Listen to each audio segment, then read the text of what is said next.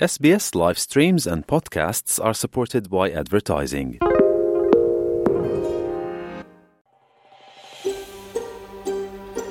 तपाईँ एसपिएस नेपालीको साथमा हुनुहुन्छ अरू रोचक सामग्रीहरूका लागि SBS dot com dot slash Nepali जानुहोस् र कार्यक्रमको सुरुमा भने चाहिँ अब डाक्टर सन्दुक रोहितलाई विश्वकै प्रतिष्ठित इसा अवार्ड दिइने बारेमा त तपाईँले समाचारहरू मार्फत थाहा पाइ नै सक्नुभयो होला। डाक्टर सन्दुक रोहितले दस लाख अमेरिकी डलर लगभग तेह्र करोड रुपियाँभन्दा बढीको प्रतिष्ठित इसा अवार्ड प्राप्त गरेका छन् र मङ्गलबार सन् दुई हजार तेइसका लागि डाक्टर रोहितलाई अवार्डको पाँचौं संस्करण दिने घोषणा गरिएको थियो।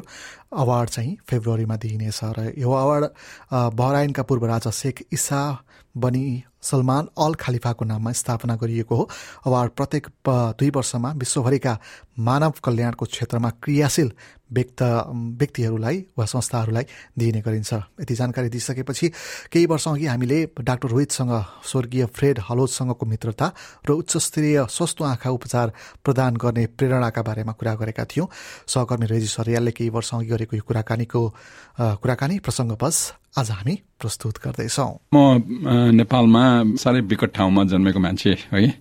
कञ्चनजङ्घा कञ्चनजङ्घाको फेरि ओलाङचुङकोला भन्ने ठाउँमा जन्मेर मैले मेहनत साथ मेरो घरबाट सपोर्ट पनि पाएँ र म मेडिसिन अध्ययन गर्ने मैले अपर्च्युनिटी पाएँ। अनि मेडिसिन पढिसकेपछि म काठमाडौँमा आएर जोइन गरेँ त्यति बेला। र नाइन्टिन सेभेन्टी नाइन एटीतिर है। अनि त्यसपछि नेपालको कुना काप्चामा अलिअलि जाने मलाई अवसर प्राप्त भयो। यस्तै अवसरमा म काठमाडौँबाट धेरै टाढा नेपालगञ्ज एकचोटि म मेरो एकजना सिनियर डाक्टर साहबसँग डाक्टर नवीन राई भन्ने हुनुहुन्थ्यो त्यति बेला। उहाँ उहाँसँग उहाँको एसिस्टेन्ट भएर म यसरी ट्राभल गराएको थिएँ। त्यो शिविरमा मैले एउटै शिविरमा एउटै परिवारको सातजना आठजना मोतीबन्धुले ग्रस्त भएको बिरामीहरू एकै दिनमा अपरेसन गरेर उनीहरूको शल्यक्रियाबाट देखिसकेपछि अनि मलाई त्यसबाट के एउटा इन्सपिरेसन के भयो भने यति छोटो समयमा यति धेरै मानिसको उनीहरूको लाइफमा हामीले चेन्जेस ल्याउन सक्ने रहेछौँ यस्तो यो विज्ञले। भनेर मलाई सायद मेरो लागि फ्युचर यही आँखाकै विषयमा हो कि भन्ने त्यो दिनदेखि म आँखामा पढ्ने बिल्कुल एकदम दृढ निश्चय गरेर म अगाडि बढ्न थालेँ अब नाइन्टिन एटिजमा तपाईँ अस्ट्रेलिया आउनु भएको थियो होइन फ्रेड हलोसँग त्यहाँ यहाँ अस्ट्रेलियामै बस सिडनीमा बस्नु भएको थियो होइन त्यहाँ भेट चाहिँ कसरी भयो फ्रेड हलोसँग परिचय कसरी भयो तपाईँको हजुर नाइन्टिन एटी फाइभमा म नेपाल आँखा अस्पतालमा एकदम त्यति बेला भर्खर आँखाको डाक्टर पढेर म भर्खर जोस ले सम्पूर्ण एकदम म भर्खर गयो भनौँ न केही गरौँ देशको लागि भन्ने मेरो फिलिङ लिएर म बसेको थिएँ। अनि त्यति बेला डक्टर फ्रेड हलो चाहिँ डब्लुएचओको एउटा सर्ट टर्म कन्सल्टेन्ट भएर आउनु भएको थियो। अनि उहाँको आफ्नो एक्सपर्टिज चाहिँ ट्रकोमामा थियो। ट्रकोमा भन्ने रोगमा ट्रकोमा अस्ट्रेलियन एभरिजिनिजमा धेरै हुन्छ। तपाईँ हामीले नेपालीमा त्यसलाई खस्ट्रे भनेर भन्छौँ। तर नेपाल आउनु भएपछि उहाँले दुई तिन ठाउँमा मसँग आँखाको शिविरहरू गरेर हेर्नुभयो। अनि सायद ती शिविरहरूमा हामीले मोतीबिन्दुको शल्यक्रिया त्यति बेलाको प्रविधिबाट गरेर उहाँले हेरेर उहाँलाई त्यसले धेरै असर पुऱ्याएछ राम्रो असर पुऱ्याएछ। अनि उहाँले के भन्नुभयो भने अब सायद उहाँले पनि मेरो आफ्नो मनस्थितिमा धेरै इफेक्ट पार्नुभयो। अनि मैले पनि केही हदसम्म पारेँ होला उहाँलाई। र हाम्रो पार्टनरसिप चाहिँ त्यहाँबाट सुरु भयो। अनि त्यसपछि त्यति बेला उहाँ अस्ट्रेलियामा त्यति उहाँको नाम त्यति धेरै थिएन। थिएन अनि उहाँले मलाई उहाँको आफ्नो प्राइभेट प्र्याक्टिस फन्डबाट प्रिन्स अफ वेल्स हस्पिटलमा काम गर्नुहुन्थ्यो। अनि मलाई र मेरो श्रीमतीलाई यहाँ डाक्नुभयो। उहाँ उहाँको श्रीमती ग्याबी हलोस डाकेर हामी नाइन्टिन एटी सेभेनमा हामी त्यति बेला एक वर्ष उहाँसँग हामी बसेर अनि यो प्रविधिको बारेमा र मलाई मुख्यत उहाँको आउटब्याकमा काम गर्नुहुन्थ्यो है। जस्तो सेन्ट्रल अस्ट्रेलिया नर्दर्न अस्ट्रेलियामा र थर्सडे आइल्यान्ड्स है। अनि त्यो त्यो आइल्यान्डमा काम गरेको जुन जुन प्रविधि थियो त्यो प्रविधिबाट मैले केही टिपेँ।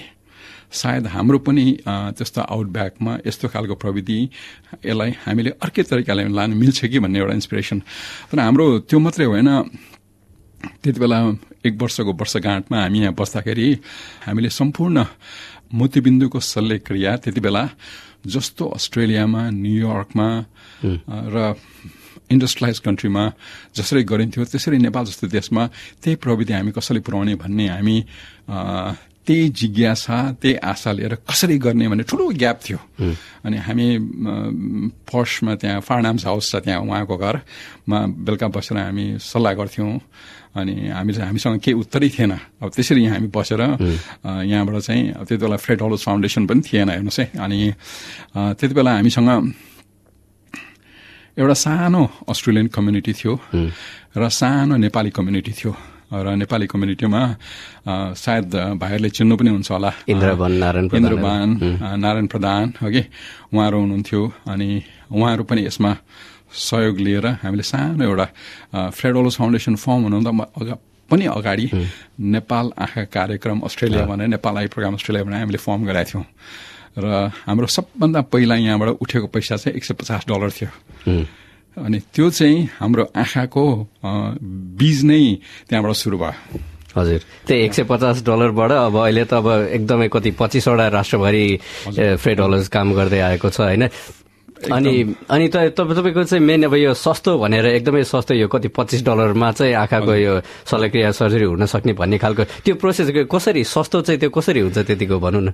अब एउटा त हामीले के गर्यौँ भने त्यो जुन टेक्नोलोजी सर्जिकल टेक्निक थियो यहाँ चाहिँ नै अफिसमा गर्ने सर्जिकल टेक्निकलाई हामीले त्यसलाई सिम्प्लिफाई गरेर नेपालमा गाउँ गाउँमा सिम्प्लिफाई गरेर हामीले लगेर फाइन ट्युन गरेर अनि त्यसलाई इस्टाब्लिस गऱ्यौँ है? र त्यसलाई सर्जिकल टेक्निकलाई सिम्प्लिफाई मात्रै गरेर होइन त्यसलाई त्यो इन्भाइरोमेन्टमा हामीले कसरी पोसिबल भन्ने गर्ने?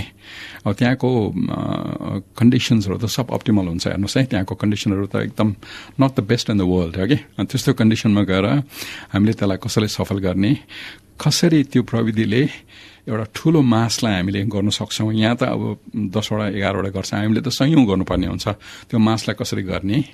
त्यसपछि कस्ट कसरी रिड्युस गर्ने? यी तिनवटा इस्युजहरूलाई हामीले हेरेर हामीले करिब करिब पाँच वर्ष जति नेपालमा हामीले अध्ययन गरेर रिसर्च गऱ्यौँ अनि फाइनली हामीले फाइन ट्युन गरिसकेपछि फ्रेड हलोज र मैले आँखाको ठुलो एउटा मिटिङमा हामीले गएर नाइन्टिन एटी नाइनमा है हामीले गएर यसलाई प्रस्तुत गऱ्यौँ।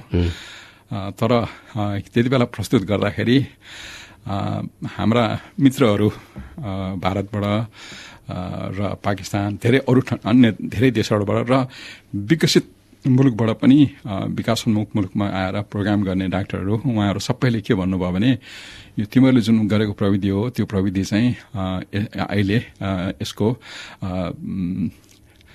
टु कम्प्लिकेटेड टु एक्सपेन्सिभ र क्लिनिकल ट्रायल बिना यो गर्नु हुँदैन भनेर हामीलाई एकलौटी पार्यो। अनि एकलौटी पारिसकेपछि हामीले अब फ्रेड हलोस र मैले त्यो ठुलो मासको मिटिङमा हामी त्यति बेला मिटिङै छोडेर हामी गयौँ। मिटिङ छोडेर तर मिटिङ छोडेर गइसकेपछि हामीले के भन्यौँ भने एक दिन तिमीहरू सबै पस्ताउँछौ। किनभने यो प्रविधि हामी ल्याएर छोड्छौँ भनेर हामीले त्यसपछि हामीमा एउटा के भयो भने तपाईँको त्यो प्रविधि गरेर मात्रै नहुने रहेछ त्यसलाई इन्टरनेसनली राम्रो जर्नल्सहरूमा पब्लिस गर्ने एडभोकेसी गर्नुपर्ने रहेछ लास्ट र थ्री इयर्स जति हामी लाएर त्यो गऱ्यौँ र अन्ततगत त्यो सिस्टमलाई बिस्तारै संसारले पत्याए र अब त अहिले त पत्याएको मात्रै होइन कि अब अहिले आँखा नेपालमा काठमाडौँमा तिलगङ्गा आँखा प्रतिष्ठान हामीले इस्टाब्लिस गरेका छौँ। त्यो ठाउँमा संसारको करिब करिब सबै मुलुकबाट डाक्टर ट्रेनिङमा आउँछ यो सिस्टमको लागि अनि मैले तपाईँले भन्नुभयो भने कसरी यसलाई सुलभ र सरलीकरण गरेर हामीले यसलाई चाहिँ पहिला केही सय मात्रामा मान्छेले पाउँथ्यो भने अब चाहिँ करोडौँ मान्छेहरूले यसको पहुँचमा पुगेछ। अनि तपाईँले आफैले पनि एक लाखभन्दा बढी मान्छेको अब शल्यक्रिया गरिसकेको सर्जरी गरिसकेको भने भनेको छ होइन। पाँच मिनट एक लाखभन्दा बढी मान्छे भन्दाखेरि त्यो अब हामीले अलिकति त्यो इमेजिन गर्नु पनि अलिकति गाह्रो हुन्छ। मतलब धेरै ठुलो कुरा त हो नि अवश्य पनि होइन यो? त्यो त सानो कुरा त होइन। फेरि तपाईँको मैले काम गर्नु थालेको पनि धेरै वर्ष भइसक्यो हेर्नुहोस् र मैले संसारमा करिब करिब धेरै ठाउँमा बसेर काम गरेको छु नेपालमा मात्रै होइन। र अब तिसौँ वर्ष भइसक्यो तिसौँ वर्षमा सायद पुग्यो पनि होला। र अब मलाई फर्केर हेर्दाखेरि आफैलाई केही हदसम्म सन्तोषको सास फेर्ने ठाउँ छ जस्तो लाग्छ। अब त्यो पाँच मिनटमा भनौँ न त्यो व्यक्तिको अब आँखा नदेख्ने व्यक्ति तपाईँको अगाडि आउँछ त्यसपछि तपाईँको पाँच मिनटमा त्यो सर्जरी गरेर होइन? अनि आँखा देख्न सक्ने हुँदाखेरि रियाक्सन अब त्यो मान्छेको बारेमा बुझ्ने समय भ्याउनुहुन्छ उनीहरूको रियाक्सन बुझ्न सक्नुहुन्छ त्यो त्यो बेलासम्म कस्तो हुन्छ? तपाईँलाई कस्तो लाग्छ मैले बेला बेला बखतमा म रियाक्सन आफै हेर्नु पनि जान्छु किनभने त्यो रियाक्सन बिना हामीलाई नसा लाग्दैन। रियाक्सनबाटै नसा आउने रोग हो। जस्तो अब म तपाईँलाई एउटा दुइटा म इक्जाम्पल एउटा चाहिँ हामीले नेपालको पूर्व धनकुटाभन्दा माथि खाँदबारी भन्ने ठाउँ छ। त्यहाँ करिब करिब पन्ध्र सोह्र वर्ष अगाडि हामीले एउटा शिविर गराएको थियौँ। त्यो शिविरमा चाहिँ माथि नुब्रा भ्याली भन्ने माथि तपाईँको एकदम किमाथाङ्काको छेउबाट मान्छेहरू चाहिँ पाँच छ दिन लाएर एउटा लेडी अन्धो भएको लेडी चाहिँ हिँडेर आउनु भएको थियो। है? खुट्टामा घाउ भएर अनि त्यो सायद उहाँ पच्चिस छब्बिस वर्षको हुनुहुन्थ्यो होला। अनि उहाँसँग उहाँको बुढा थिए। अनि बुढाले सानो दुई वर्षको बालक हात बोकेर आउनु भएको थियो। अनि र त्यो लेडीको हामीले सर्जरी गऱ्यौँ। सर्जरी गरिसकेपछि अर्को दिन पालमा राखेको थियो। पालमा गएर अपरेसन आँखा खोलिसकेपछि हामी हेर्नु गयौँ। हेर्नु गएर एकछिन आँखापट्टि खोलिसकेपछि एकछिन यताउति वाल परे हेर्नुभयो अनि हेरिसकेपछि अगाडि आफ्नो बच्चा यसरी देखे। फेरि यताउति अनि बच्चाले जति बेला आवाज निकाल्यो फर्स्ट आवाज निकाल्ने बित्तिकै यसरी झम्टेर उनले बच्चालाई समाते कि बच्चालाई त्यसपछि बच्चालाई काखमा लिएर अनि त्यो बच्चालाई हेरेर उनको जुन एक्सप्रेसन थियो मुखमा त्यो चाहिँ सायद म डिस्क्राइब गर्न सक्दिनँ होला तर एउटा आमाले नौ वर्षसम्म आफ्नो कोखमा पालेको र बच्चालाई त्यत्रो दिन वर्षपछि आफूले पहिलोपटक हेर्दाखेरि त्यो देख्दाखेरि कस्तो हुन्छ त्यसपछि हातले छाम्दाखेरि अनुहार त्यस्तै फिलिङ हुन्छ हेर्नुहोस् है यो फिलिङ चाहिँ यस्तो फिलिङहरूले हामीलाई रिचार्ज गर्छ हामीलाई हाम्रो कामलाई नि। अनि बेला बखत हामी हेरिराख्छौँ यस्तोहरू। अनि तपाईँले नेपाल बाहेक अरू देशमाहरू पनि सर्जरी गर्नुभएको छ भने भन्नुभयो। कता कतातिर जानुभएको छ? कतिको फरक छ नेपाल र अरू देशको कुरा गर्दाखेरि भनौँ न तुलना मैले अब भाइहरूलाई अघि पनि मैले भने हामीले जुन यो प्रविधि यो low cost high volume high quality है। यो प्रविधि हामीले नेपालमा फेडोलोस फाउन्डेसनसँग मिलेर हामीले इस्टाब्लिस गरिसकेपछि यसलाई फाइन ट्युन गरेर यसलाई पब्लिस गरिसकेपछि यो सिस्टमलाई एउटा प्याकेजमा हामीले बाहिर लिएर जाने भनेर। अनि हामीले अहिले सायद एसियामा थाइल्यान्ड क्याम्बोडिया म्यानमार पाकिस्तान इन्डियामा पनि चाइनामा पनि र इन्डोनेसिया नर्थ कोरिया अनि रुवान्डा इथियोपिया घाना र फ्रेन्च स्पिकिङ एफ्रिकन कन्ट्रिजहरूमा पनि हामीले धेरै ठाउँमा लगाएका छौँ ओके मलाई के लाग्छ भने नेपालले धेरै ठाउँमा हामीले बाहिर गएर लजाउनु परे पनि आँखाको क्षेत्रमा हामीले छाती फुलाएर हामी कहाँ यो प्रविधि छ र हामीले यी देशहरूमा यी प्रविधि हामीले उहाँहरूलाई हामीले एक्सपोर्ट गरेर उहाँलाई यो प्रविधि सिकाछौँ भन्ने गर्वका साथ हामी भन्न सक्छौँ। लाइक र कमेन्ट गर्नुहोस्। एसपिएस नेपालीलाई फेसबुकमा साथ दिनुहोस्।